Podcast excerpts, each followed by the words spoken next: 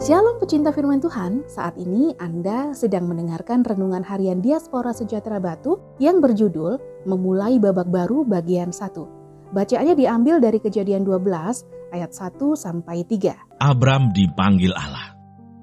Berfirmanlah Tuhan kepada Abram, Pergilah dari negerimu dan dari sanak saudaramu dan dari rumah bapamu ini ke negeri yang akan kutunjukkan kepadamu Aku akan membuat engkau menjadi bangsa yang besar dan memberkati engkau serta membuat namamu masyur dan engkau akan menjadi berkat.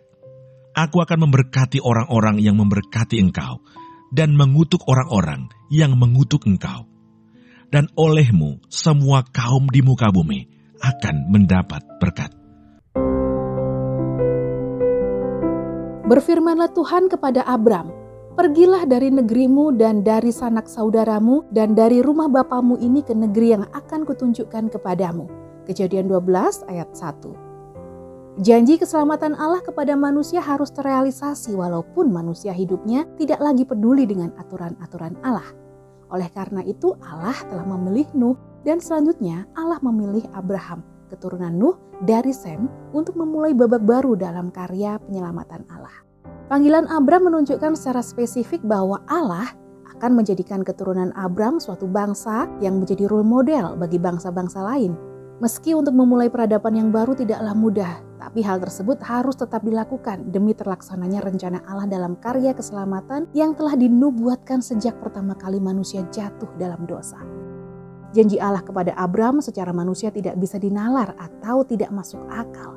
Sebab Sarai adalah perempuan yang mandul, namun Tuhan yang memberkati Nuh, nenek moyang Abram juga memberikan berkatnya kepada Abram. Dan faktanya karena berkat Allah tersebut, Nuh dimampukan membangun peradaban yang baru.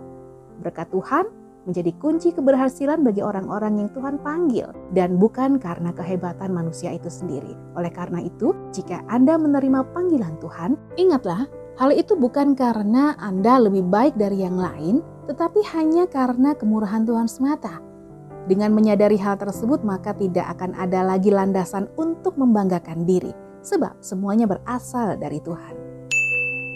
Diberitahukanlah kepada Raja Daud demikian, Tuhan memberkati seisi rumah Obed Edom dan segala yang ada padanya oleh karena tabut Allah itu. Lalu Daud pergi mengangkut tabut Allah itu dari rumah Obed Edom ke kota Daud dengan sukacita. 2 Samuel 6 ayat 12. Tuhan Yesus memberkati.